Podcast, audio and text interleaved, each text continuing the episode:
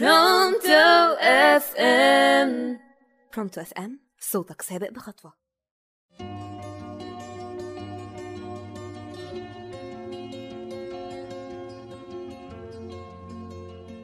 صباح الخير أو مساء الخير في الوقت اللي بتسمعونا فيه. معاكم روان أحمد من برنامج Skip على راديو Pronto FM صوتك سابق بخطوة. من اسم البرنامج Skip skip لأي حاجة مش عاجباك. فيديوهات اليوتيوب الفيسبوك الإعلانات ما بتزهق منها بتجري دوس X أو skip وخش على اللي بعده. لكن تأثير زرار ال skip ده إيه على حياتنا؟ ليه تأثير كبير محدش فينا ممكن يكون حاسس بيه؟ لو مهتم تعرف أكتر إزاي بتتخطى وتعدي ولا كأن حاجة حصلت؟ اجري اسمع الحلقات اللي فاتت بسرعة. في حلقتنا دي هنتكلم مش بس على علاقتنا العابرة لا دي المرة دي هنتكلم على اللي ما تتسمى فترة الخطوبة. وما بعده الجواز. آه زي ما سمعت أنت كبرت خلاص وشفت مستقبلك. ودلوقتي لازم تكمل نص دينك. والشخص ده بقى مش زي المرة اللي فاتت مجرد شخص عابر هتتعرف عليه في حياتك ويخلق لا يا حبيبي ده أنت متدبس فيه طول حياتك خلاص. هو اللي دخل بيعرف يطلع؟ وطبعا لو اتكلمنا شوية عن فترة الخطوبة غير خطيبي خطيبي والدبلة مدفياني عندنا نوع من الصحاب اللي يعمل بريء قوي قدامك. قط مغمض ملوش في أي حاجة.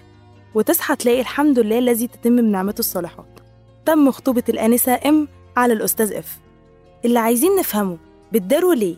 هي دي حاجة بتدارى وبذمتكوا هنحسدكوا على إيه؟ بس مش كفاية اللي بنشوفه في الفترة دي. ده إحنا أصلا اللي بنحس إننا اتخطبنا مش أنتوا.